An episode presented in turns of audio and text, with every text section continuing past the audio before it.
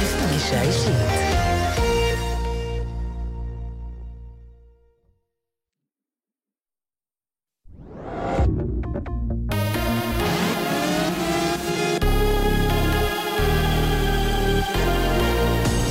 גלי צה"ל השעה שמונה, שבוע טוב, כאן עמרי לנד עם מה שקורה עכשיו. דיווחים בסוריה, שני הרוגים בתקיפת צה"ל בצפון רמת הגולן הסורית. לפני כשעה מטוסים של חיל האוויר תקפו כמה מטרות של צבא סוריה, ובהן שני טנקים ועמדה, שמהם בוצע ירי שזלג לשטח ישראל. הנפילות זוהו בשטח פתוח, אין נפגעים ולא נגרם נזק. כתבנו גיא ורון מעדכן כי המטעים והבוסתנים הסמוכים לגבול פונו ממטיילים ומעובדים. שר הביטחון אביגדור ליברמן התייחס לאירועים בצפון, ואמר כי הפגיעה בביטחון המדינה והפרת הריבונות לא תעבור על סדר היום, וכי ישראל תגיב בעוצמה ובנחישות. משטר אסד הוא מבחינתנו אחראי למתרחש משטחו, והוא ימשיך לשאת בתוצאות אם אירועים כאלו יחזרו על עצמם. דברי ליברמן. צעיר בן 19 נפצע קשה מפליטת כדור בדירה בתל אביב. הוא פונה לבית החולים איכילוב. צעיר נוסף שפלט את הכדור נמצא במקום, והמשטרה חוקרת את נסיבות האירוע. ילדה כבת ארבע נפצעה בינוני לאחר שנפלה ממרפסת בגובה של כשלושה מטרים בבית בראש העין. חובשים ופרמדיקים של מגן דוד אדום טיפלו בה ופינו אותה לבית החולים שניידר עם חבלה בראש. באיראן, כוחות הביטחון האיראנים עצרו חוליה השייכת לארגון הטרור דאעש, שתכננה לבצע פיצוצים ופיגועי התאבדות בערים דתיות ובמקומות קדושים. על פי הדיווח בטלוויזיה הממלכתית במדינה, סוכני משרד המודיעין תפסו גם כלי נשק, חומרי נפץ וציוד שיועד לשימוש לפיגועים.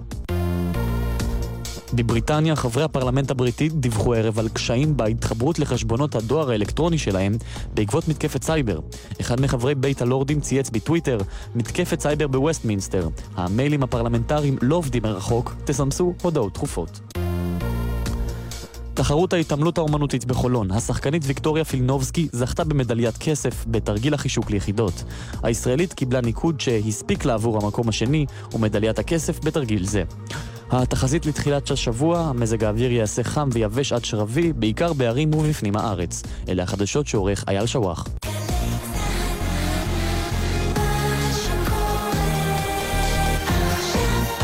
עכשיו בגל"צ, טלי ליפקין-שחק. עם פ"א פגישה אישית. כמה דברים שאתם צריכים לדעת על הפרופסור מנחם מילסון. הוא נולד בשנת 1933 בשכונת בת גלים בחיפה, בנם השני של יוסף צבי, מאנשי הגדודים העבריים במלחמת העולם הראשונה, וחנה מילסון. בשנת 1951 התגייס לצנחנים במסגרת העתודה האקדמית, שם למד ספרות ערבית. במלחמת סיני שימש מילסון כסמ"פ בגדוד 890, ואף צנח במעבר המיתלה. מילסון שימש כמרצה באוניברסיטה העברית עד שנות ה-70, במהלכן החל לכהן כיועץ לענייני ערבים במפקדת יהודה ושומרון בתיאום הפעולות בשטחים. בזמן ביקורו ההיסטורי של נשיא מצרים אנואר סאדאת בישראל, מונה מילסון על ידי הממשלה לשלישו. בראשית שנות ה-80 כיהן מילסון כראש המינהל האזרחי של יהודה ושומרון עד שהתפטר בשנת 1982 לאחר טבח סברה ושתילה. בשנים האחרונות עוסק מילסון בחיבור מילון ערבי-עברי. בנוסף הוא פרופסור אמריטוס לספרות ערבית באוניברסיטה העברית בירושלים, סופר, מזרחן וחוקר תרבות האסלאם והשפה הערבית. לפרופסור מנחם מילסון תואר ראשון ושני בערבית ובתולדות המזרח התיכון ודוקטורט בספרות ערבית מאוניברסיטת הרווארד. הוא אב לשלוש בנות, סב לעשרה נכדים וסבא רבא לשתי נינות.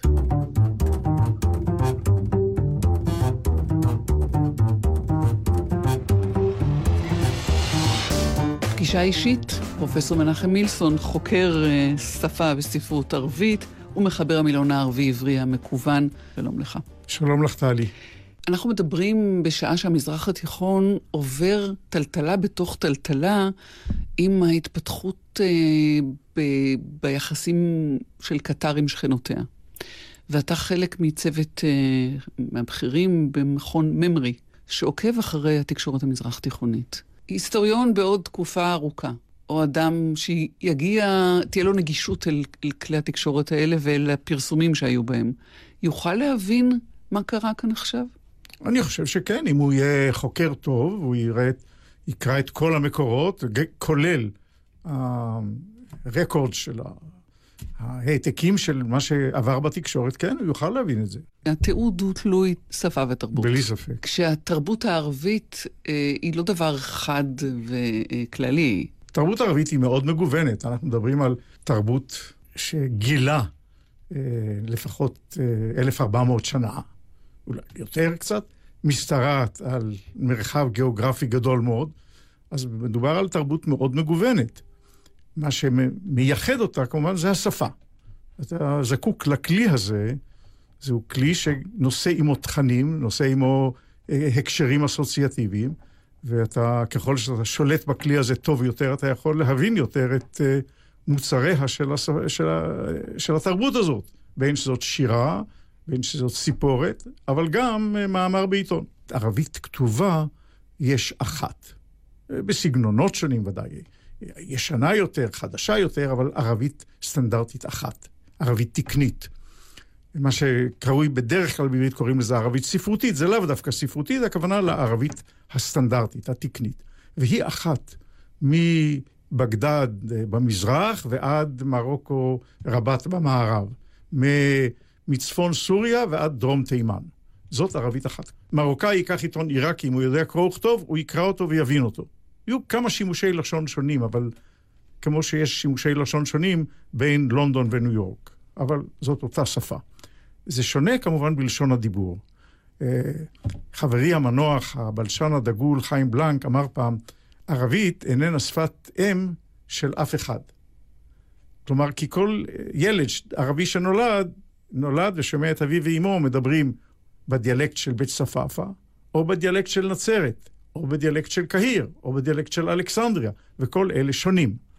בכמה מן הדיאלקטים האלה אתה מצוי? תראי, הדיאלקט, או קבוצת הדיאלקטים שאני מכיר היטב, כמובן זה קבוצת הדיאלקטים של, של הארץ. אבל גם כאן יש הבדלים, למשל, דיאלקט בדואי הוא שונה למדי מהדיאלקטים העירוניים וגם מן הדיאלקטים הכפריים. ואני לא יכול לדבר כבדואי. אני חושב שאני מדבר כיליד השפה. התחלתי בגיל די צעיר, בגיל שעוד ניתן לסגל מבטא של שפה אחרת, ובעצם שמעתי מבטא ערבי נכון עוד לפני שידעתי ערבית. כי אמי עליה השלום אה, הייתה ילידת טבריה, והיא ידעה ערבית ששמעה משכנותיה לפני שהיא למדה עברית. היא הייתה בת היישוב הישן, בת היישוב הישן, האשכנזי בטבריה, אבל היו הרבה שכנים דוברי ערבית. וכך שהיא שיחקה את משחקי הילדים בערבית, אה, חמש אבנים או קלאס, אני יודע מה ששיחקו. ואתה אתה שמעת ערבית והתחלת לדבר ערבית בגיל לא, צעיר? לא, לא, בהחלט לא. בבית דיברו עברית, לא ערבית. אבל uh, מאוד רציתי ללמוד ערבית. לכן כשהתחלתי בגיל 12 ללמוד ערבית בבית הספר, זה היה נושא שאהבתי אותו. למזלי, היה מורה כריזמטי וגאוני, שצד את ליבם של התלמידים. זה היה אה, קיסטר, מאיר, מאיר יעקב קיסטר, לימים הוכר כאחד מגדולי חוקרי הערבית במאה ה-20, אבל אז הוא היה מורה בתיכון. אחד הדברים המעניינים הוא שבמסגרת לימודי הערבית שלך, נסעת וחיית בקרב הערבים באום אל-פחם. נכון. זו הייתה יוזמה ברוכה של אותו מורה שלימד אותנו. אמר, אנחנו בכיתה לומדים קרוא וכתוב, זה כך צריך להיות, אבל כדי ללמוד לדבר ערבית, צריך לחיות בסביבה דוברת ערבית. אז הוא ארגן אה, נסיעה לכל מי שהיה מוכן לצאת בקיץ, אני יודע, איזה 15 תלמידים כאלה, חילק אותנו קבוצות-קבוצות לכפרים שונים.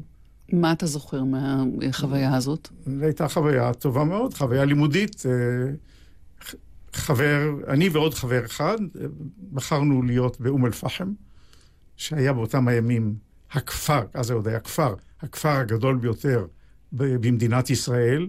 על איזו שנה אנחנו מדברים? אנחנו מדברים על 1950. קיץ 1950. בערך שנה אחרי שאום אל-פחם הועברה משלטון ירדן לשלטון ישראל בהסכמי uh, שביתת הנשק.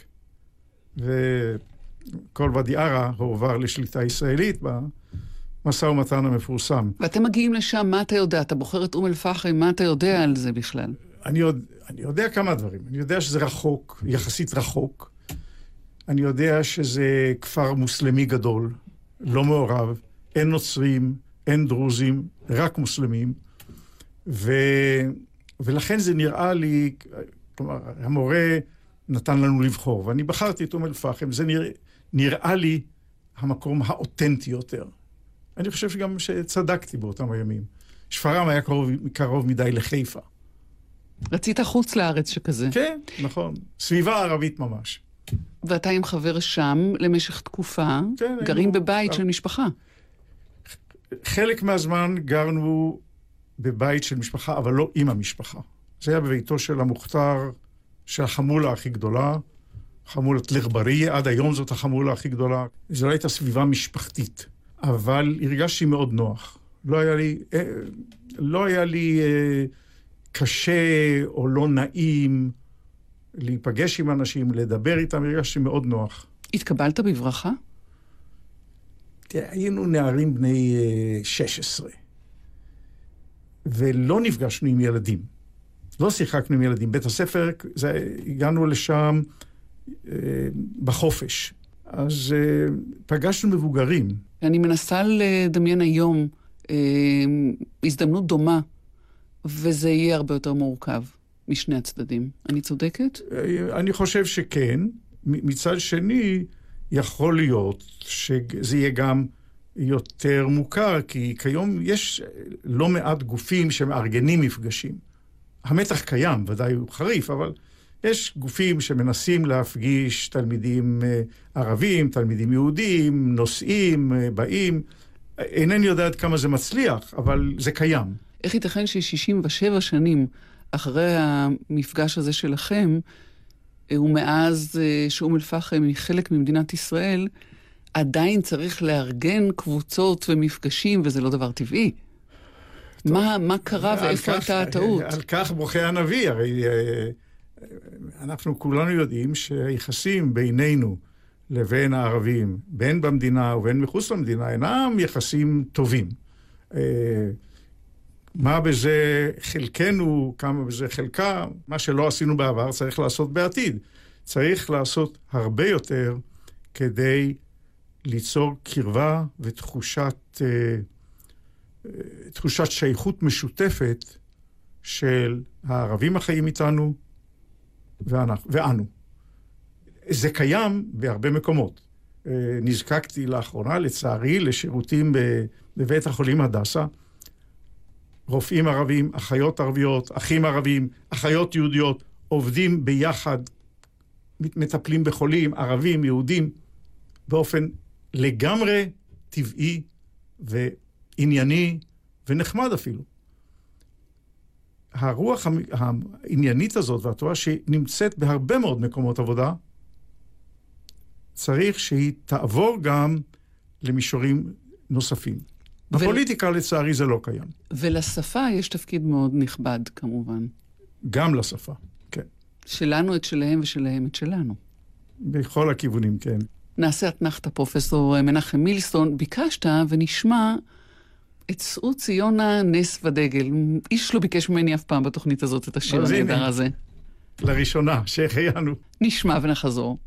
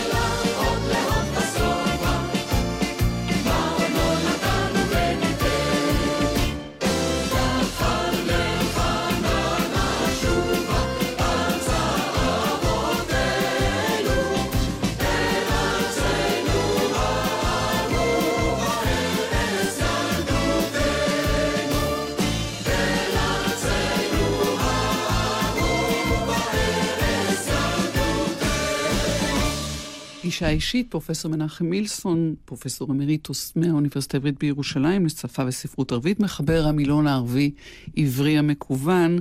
התגייסת לצנחנים. נכון, זאת אומרת, נכון, הלכת כן. לעתודה, אבל התגייסת כן, לצנחנים. כן. וצנחת במיתלה. כשעמדתי לסיים את uh, לימודיי, הגיעו גם קצינים מחיל המודיעין לנסות uh, לשכנע אותי לבוא לחיל המודיעין. ובאיזשהו אופן, הק... הקצין המסוים שפגש אותי, אה, היה איזה רב סרן, אני זוכר היטב את שמו, שהוא לא מצא חן בעיניי, זאת אומרת, מה שהוא תיאר בפניי לא משך אותי. ובאותו זמן, אה, מי שהיה מפקד העתודה, מורלה בר-און, לימים ראש ענף היסטוריה ורל"ש הרמטכ"ל. וקצין חינוך ראשי. וקצין חינוך ראשי.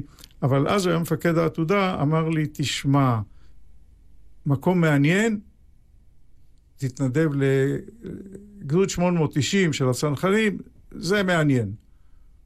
אמרתי, מאה אחוז, בסדר, תרשום. ואז הלכתי, הלכתי לגדוד 890, פגש אותי הסמג"ד, דוידי, הציב אותי כמדריך כיתתי בקורס מ"כים שהיה אז. אני הייתי במטה של הגדוד, אני לא לחמתי, לא לחמתי, לא הסתערתי על מדרונות המתלה. איך החוויה הצבאית הקצרה הזאת מתיישבת אה, ומשלימה את הגיבוש שלך כאדם שעניינו החברה הערבית. הוא בסופו של דבר הגשר בין החברות. זה חלק אחר של הזהות הישראלית שלי. אומנם ב...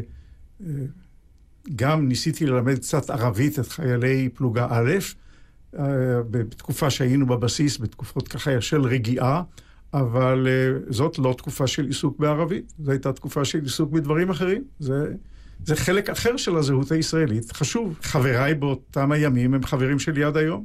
הלכת לאקדמיה, כן. מתוך מחשבה שאתה רוצה ללמוד כדי לעשות שימוש מעשי בכלים האלה? כן, שימוש מעשי, אבל בהוראה.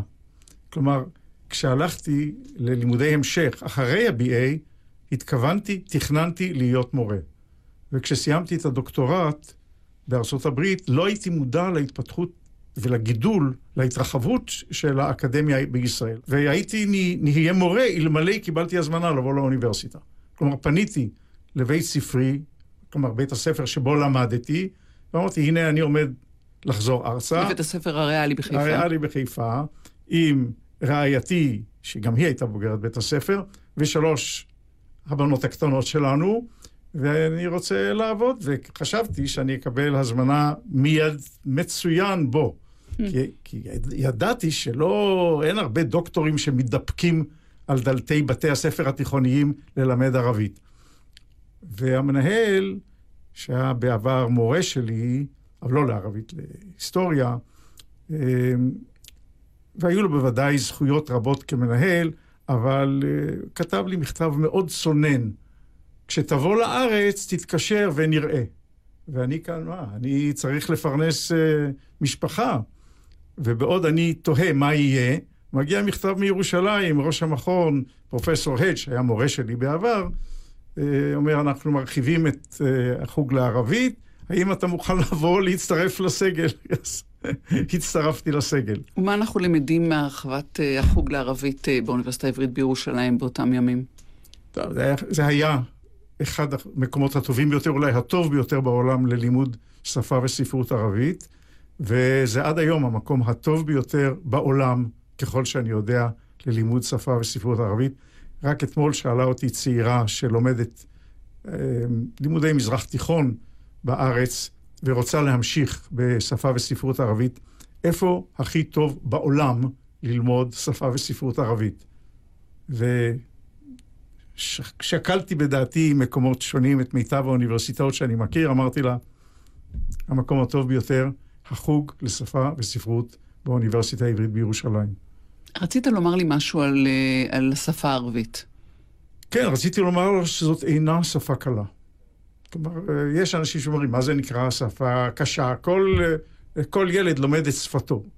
אבל בכל אופן זה לא כך, וערבית היא שפה קשה, גם לילידי השפה. אה, אחד, אחת הדרכים למדוד קלות של שפה או קושי של שפה, זה לראות איך היא מתרגמת בתרגום אלקטרוני, דיגיטלי. ובדקו ומצאו שהשפה הקשה ביותר לתרגום אלקטרוני זו סינית, השנייה בדרגה בין אלה ש... זה ערבית. עברית הרבה יותר קלה. כלומר, מידת האפשרויות לקרוא מילה, או אפילו או צירוף מילים בוודאי, ולהבין אותם בדרכים שונות בערבית, היא רבה לאין שיעור מהאפשרויות של הבנה, קריאה והבנה בעברית למשל. מה שהופך את העבודה ש... את מה שהופך את העבודה שלך למילון העברי-ערבי למסובכת יותר? בוודאי, בוודאי. ו... ובעיקר הופך את לימוד השפה. מי שרוצה לקנות את השפה צריך להשקיע הרבה מאוד זמן. תראי, רואים למשל, אה, ראיתי את זה אצל נכדיי. נכדה שלי שלמדה כמה שנים צרפתית כשפת, כשפה זרה שנייה בבית ספר בתל אביב, רכשה ידיעה די מכובדת בצרפתית.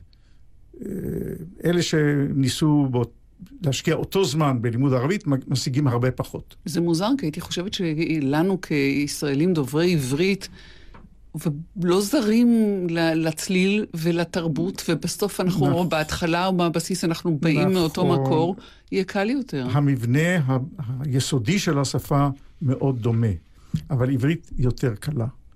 החל ממספר האותיות וכלה במספר הבניינים, ו...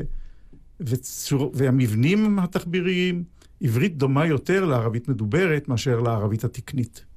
אני לא אכנס לדברים, להבדלים, כי זה מקצועי קצת, אבל... אבל כן ספר לי על העבודה, על המילון. אה, זו עבודה מרתקת. ראשית כל, אותי היא מרתקת, כי אני אוהב ערבית ואני אוהב עברית, וזו הנאה עצומה לי לעסוק בשתי השפות, או לעסוק בשפה אחת, שאני רוצה להעביר אותה לשפה האחרת, לשפתי העברית. אה, העבודה הזאת, אני עושה אותה עם עוזרי מחקר, שהם תלמידים מצטיינים באוניברסיטה, בוגרים מצטיינים. זה תענוג בפני עצמו, לעבוד עם אנשים שאוהבים את השפות ומוכשרים מאוד. זה פשוט, זה הנאה עצומה. ואתה גם יודע שזה מביא תועלת, כי בכל האוניברסיטאות בארץ כבר משתמשים במילון. אני עוד עובד עליו לשכלל אותו, אבל הוא נמצא בשימוש של כל האוניברסיטאות. לצערי הרב, לא משתמשים בו עדיין בבתי הספר, וזה היה יכול, אני חושב, לקדם את, את אהבת השפה ואת אהבת לימוד השפה ולהיות מכשיר עזר עצום. בבתי הספר המעטים שכן משתמשים, אני שומע הדים נפלאים, שמאוד מאוד שבעי רצון. יש בכלל די לימודי ערבית בבתי הספר אצלנו? תראי, יש לימודי ערבית, אני חושב שהם יכולים להשתפר. השאלה היא לא כל כך כמות, אלא עד כמה משכללים. למשל, שימוש במילון טוב זה בוודאי מכשיר עוזר. השאלה אם זה בסדר העדיפויות של אה, מערכת החינוך. לפי היחס למילון, זה כנראה לא מאוד גבוה בסדר העדיפויות. מעניינת אותי עבודה של אדם שנולד ב-1933, זאת אומרת שהכלים המקוונים הם פחות אה, הלחם, הם, הם פחות אה, כלי עבודה הראשוניים או הטבעיים לך. זה, זה באמת מוזר, שבעוד ש... זה מרשים.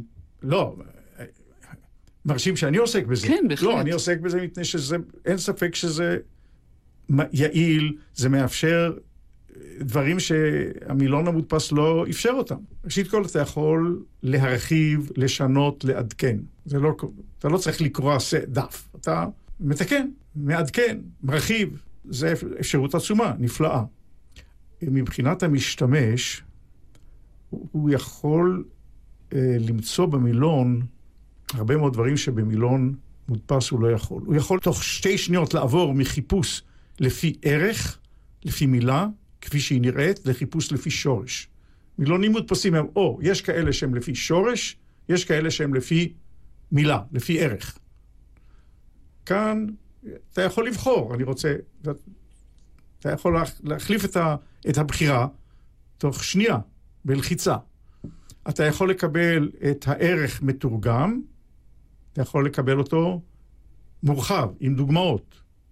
אתה יכול להסתכל בערך ובהקשה על מקש, למצוא את כל המילים שגזורות מאותו שורש, ולבחור ולהסתכל מה הן. מורה שמשתמשת במילון כתבה לי, אומרת, תלמידי המספיקים לקרוא תוך שימוש במילון המקוון, בשליש יותר מה שהם קראו לפני שהיה להם מילון מקוון. חוץ מזה שמאבדים את החוויה של דפדוף, למי שאוהב לדפדף. זה, זה נכון, ולכן אני מקווה ש... בבוא היום אנחנו גם נדפיס את המילון, כדי שיהיה גם מודפס. מבחינתך זהו פרויקט החיים שלך? יצאת, יצאת אליו לפני כמה? 11-12 שנים? אה, התחלתי, אבל בצורה לא נמרצת, ב-2004, ובצורה נמרצת מאוד, זאת אומרת של כל יום, כל היום, מהבוקר עד הערב, אה, כ-11 שנים. אתה חולם בערבית או בעברית? אני... זה, בדרך כלל בהתאם לסביבה שבחלום, וזה בדרך כלל בעברית, כי סביבת חיי היא דוברת עברית. כשאני חולם בסביבה ערבית, זה קרה לי, אז יש ערבית בחלום. עד כמה העולם הערבי מתעניין במילון שלך? א', אנחנו לא יודעים, כי... אבל אני לא חושב שהרבה. אני לא חושב שהרבה. אנחנו כן יודעים. אני מצטער על כך, אבל שאין יותר אה, שימוש. במילון. יש שימוש, אבל הוא לא רב. אנחנו כן יודעים שיש, ונשמעו קריאות ב, בעולם הערבי שסביבנו, לכך שכפי שיש את מרכז ממרי שלכם, כן. נכון שיהיה בצד השני יותר אה, אה, עיסוק במה שנעשה אצלנו, יותר היכרות והבנה של התקשורת והתרבות הישראלית. כן, זה נכון. זה, זה אה, נאמר וגם נכתב, פעם גם אפילו נכתב ספציפית עליי. אה, הופעתי בשידור בטלוויזיה הישראלית בערבית, בריאיון על ספר סעודי, ודיברתי בערבית, ואז הגיבו בעיתונות הסעודית איך זה שאצלנו אין חוקרים כגון אה, פרופסור מילסון, שבקיאים בחברה שלנו, בתרבות שלנו. זה מקרה ספציפי בודד. אגב, הזכרת שיש לך נכדה שלמדה צרפתית. מישהו מצאצאיך יכול היה לבחור שלא ללמוד או לדבר ערבית? אה, כן, עובדה שהם אה, בחרו שלא ללמוד ערבית. אז לא מדברים ערבית סביבך? לא, לא. לא, לא צורכים. אמנם אחת מבנותיי כן למדה ערבית, שירתה גם במודיעין, והיא יודעת ערבית לא רע, כלל לא רע. אבל לא הצלחת להעביר הלאה את החיבה הזאת. אני חושב שיחס לערבים, אני חושב, העברתי כן לכל בנותיי, ו... ואני מקווה גם לנכדיי. נעשה אתמחתה. פרופסור מנחם מילסון נשמע לבקשתך את שחקי שחקי על חלומות. לא סתם אלא בביצועה של נחמה הנדל. יופי. יופי גדול. נשמע ונחזור.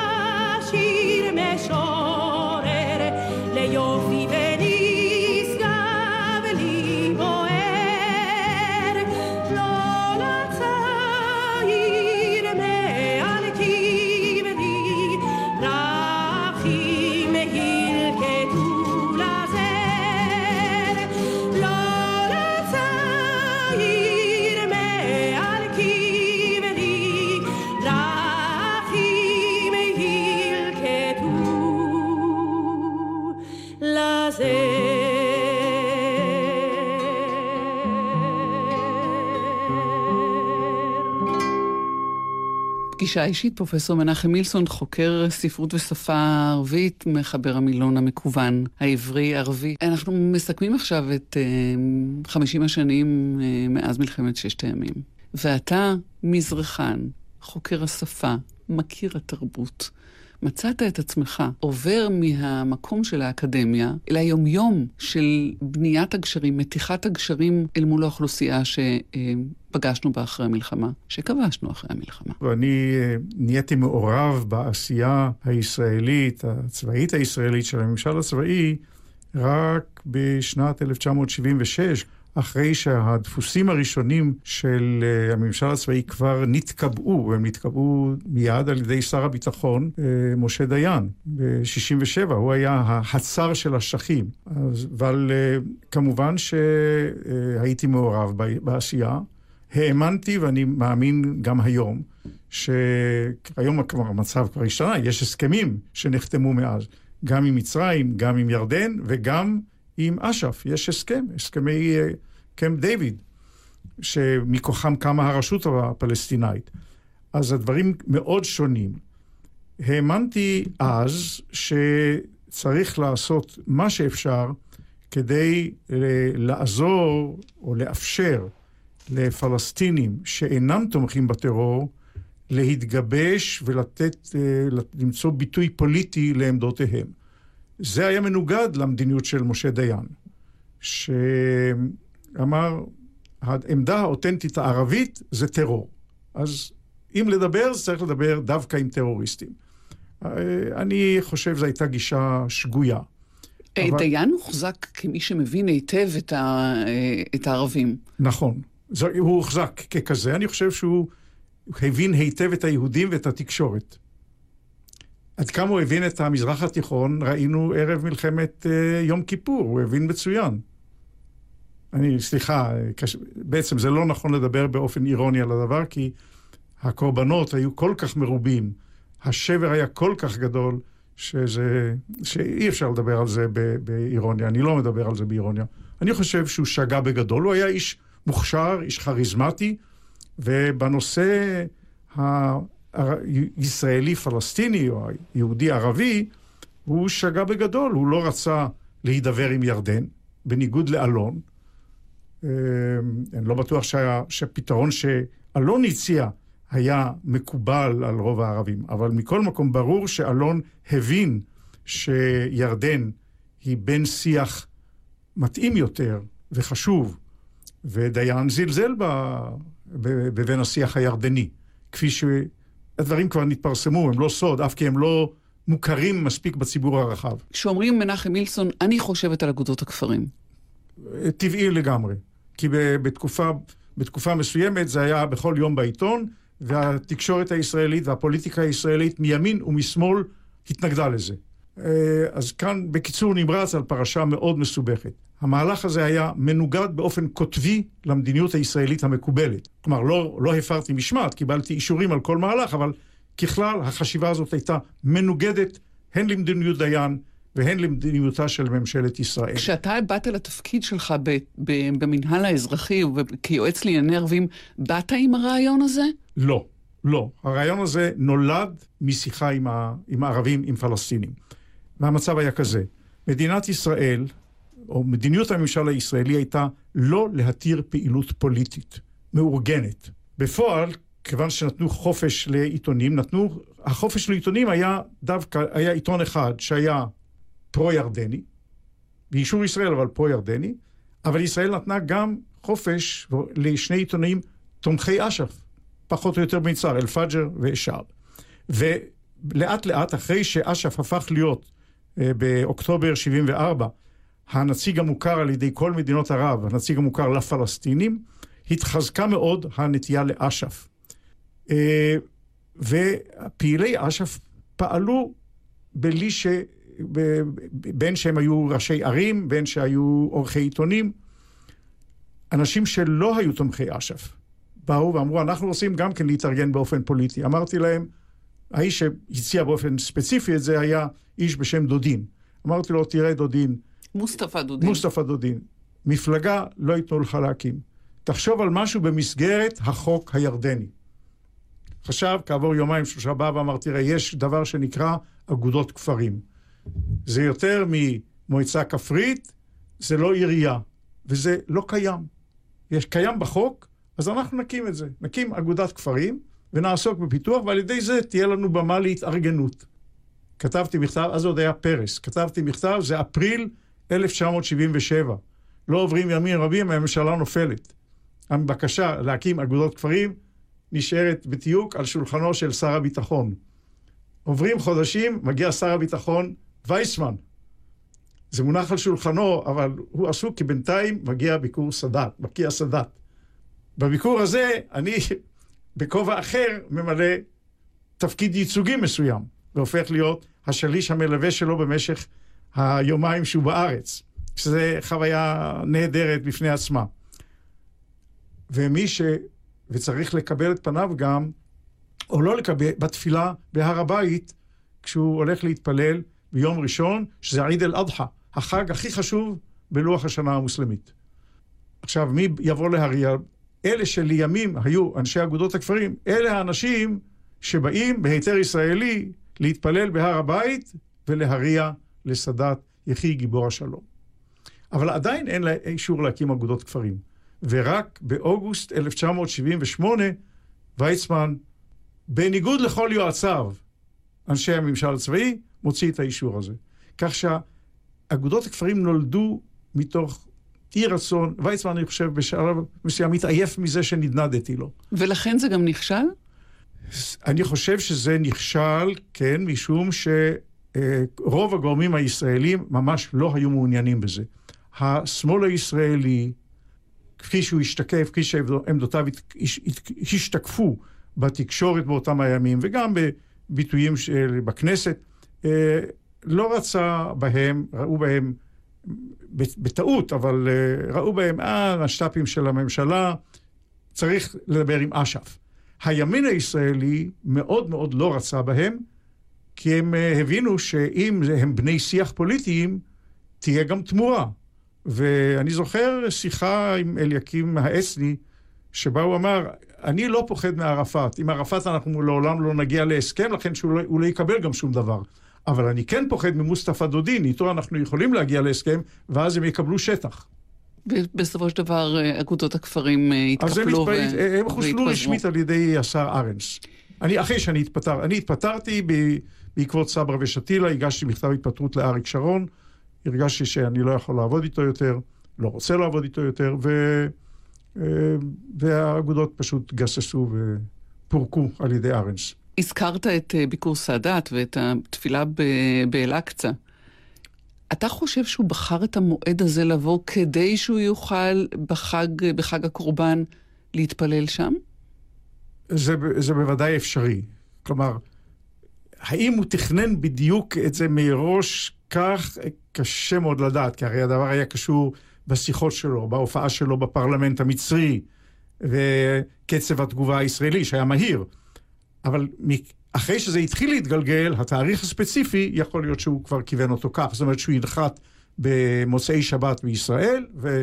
ביום ראשון, כן, ביום ראשון יעלה להתפלל. כאן אמרת שבאו להריע לו ולקרוא יחי גיבור השלום, לא המוזמנים הטבעיים נניח, אה, אם היו שואלים את, אה, את אנשי הממשל אה, והמינהל, ובאמת שאלו, ואתה צריך להילחם על זה, כן. שיוזמנו אלה ולא אחרים. התוכנית, כפי שלמדתי אותה בהיותי בוועדה שמתכננת את פרטי ביצוע הביקור, היה שלא יהיו מתפללים. מטעמי ביטחון, יהיה סאדאת ובני הלוויה שלו, שומרי ראש, אנשי המסגד עצמו, וזהו, ולא יהיה קהל. אני חשבתי שזאת שגיאה, כי מדובר על ביקור מצולם בטלוויזיה, ואם מצלמים את סאדאת מתפלל בלי קהל מאמינים מוסלמים מתפלל איתו, זאת אומרת שהחרם שאש"ף הכריז נגד הביקור, הצליח. אז אני הצלחתי לשכנע, וזה פלא איך אתה מצליח לשכנע ועדה ולגבור על שיקולי הביטחון, הצלחתי לשכנע שאנחנו נוכל לארגן מתפללים שהם לא מסוכנים. שהם לא יהיו טרוריסטים, שאין חשש שהם יהיו טרוריסטים, כמובן כפוף לבדיקה ביטחונית, וראש השב"כ, אברהם אחיטוב, ומפקד המשטרה חיים תבורי הסכימו, וזהו, ובאו אה, אלפי מתפללים מאזורי, מהאזורים הקרובים, בית לחם וחברון. אתה בתפקיד השליש הצבאי של סאדאת לשני ימי הביקור האלה. תראי, זו הייתה חוויה נפלאה. כלומר, חוויה מאוד מרגשת, הרי כל הארץ התרגשה, אז אני שהייתי שם מאוד קרוב, מצד אחד התרגשתי, מצד שני הייתי חייב אה, למלא את תפקידי בדייקנות ובסדר, אז לא, לא להתרגש יותר מדי. דיברת איתו ערבית. דיברתי איתו ערבית, דיברתי עם מלוויו ערבית. והפגישות המעניינות היו בארוחת הבוקר, שזה במלון אה, המלך דוד, עם העיתונאים שליוו איתו.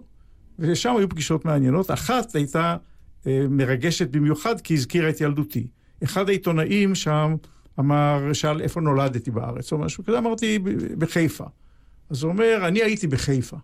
ואז הוא מתקן את עצמו ואומר, בעצם לא בחיפה, אלא בשכונה על יד חיפה שנקראת בת גלים. זאת שכונת הולדתי. אז אמרתי לו, מה, אני נולדתי שם. שאלתי, מה עשית בבת גלים? הוא אומר, אני הייתי הקפטן של נבחרת השחייה של הצבא המצרי. זה זיכרונות ילדות. ב... היו שנים, איזה שנתיים, נבחרת הצבא המצרי באה לבת גלים, שהייתה באותם הימים בריכת השחייה האולימפית, so called אולימפית, היחידה בארץ, 50 מטר.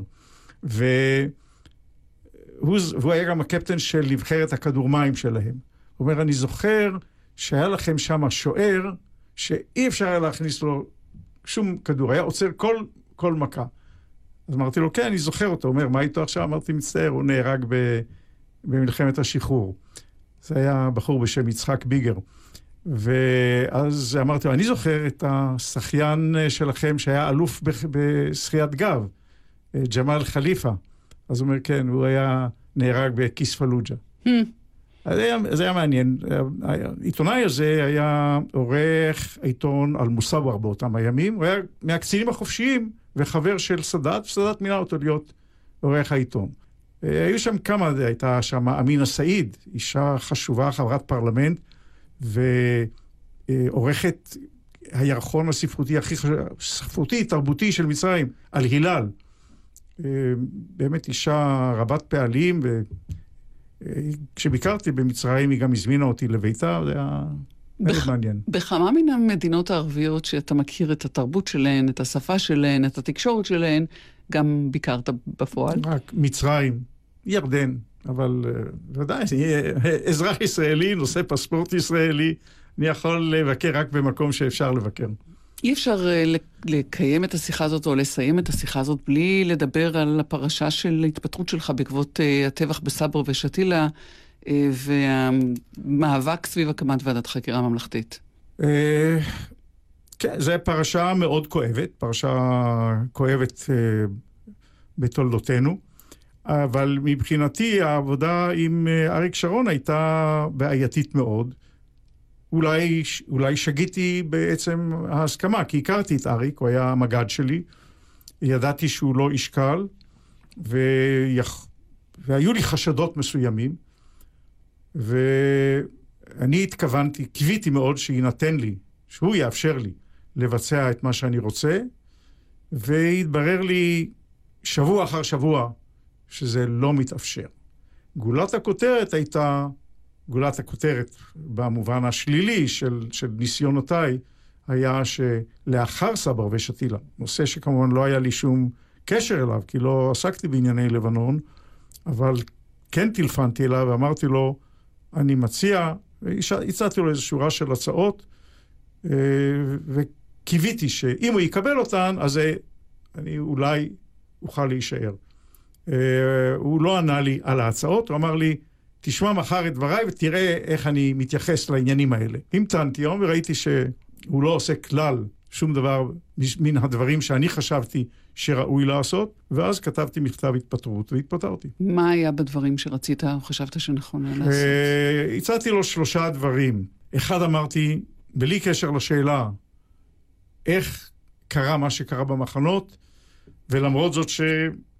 תקציבי כראש המינהל האזרחי בגדה הוא תקציב דל.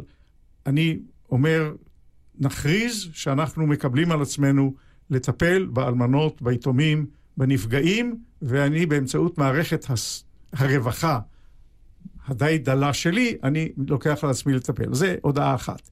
שתיים, התנתקות מוחלטת, הודעה על כך, התנתקות מוחלטת מהפלנגות, וביצוע ההתנתקות. ושלוש, הסכמה לוועדת חקירה. ועל שלושה אלה הוא אה, לא שיתף לא, לא התייחס כלל, זה ידוע. עוד מילה על המעבר שלך, התקופה שבה יצאת מן האקדמיה אל הפרקטיקה. מעבר קשה, אה, אה, עד כמה הכלים שצברת ואספת בדרך הועילו לך? תראי, אה, זה לא מעבר, מעבר קשה בגלל, אה, בגלל הקושי של הנושא, הוא לא מעבר, אתה עובר. כן, זה עולם אחר, זה עולם, אבל זה לא היה לי, זה לא היה לי קשה, היה לי קשה אה, להיאבק על דעות ש...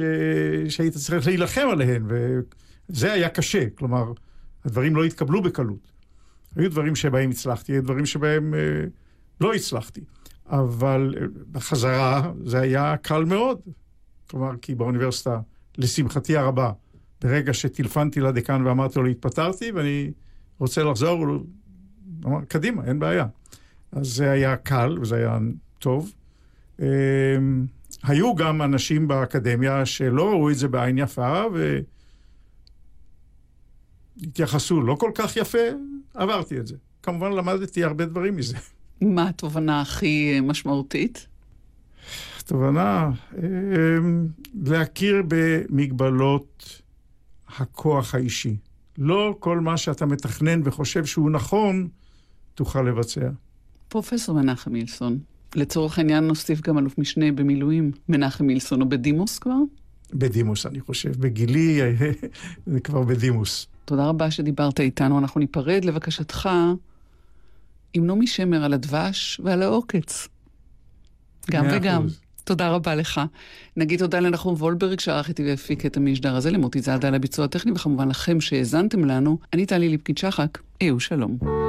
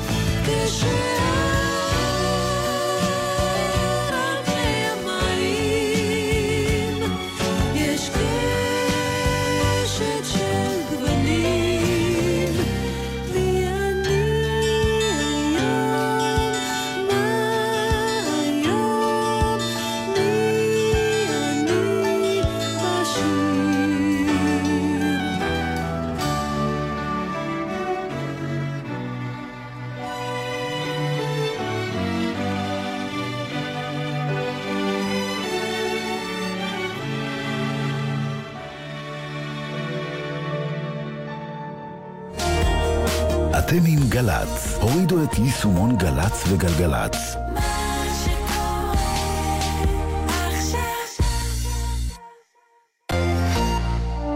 50 שנה למלחמת ששת הימים בגל"צ. ציפי גון גרוס חוזרת אל המורה האהוב שלה למתמטיקה שיצא למילואים ולא שב. פתאום אני שומע בשעות הצהריים דפיקה בדלת. אני פותח, בלי שום הכנה. הוא הכריז, ברנדה נפל, ברנדה נפל. מה נשאר אצל התלמידים ממורה שנעלם לפני 50 שנה? עודד ודני, בניו של חיים, יוצאים לחפש זיכרונות מאבא. מחפשים את חיים ברנדה, מיד, בגל"צ.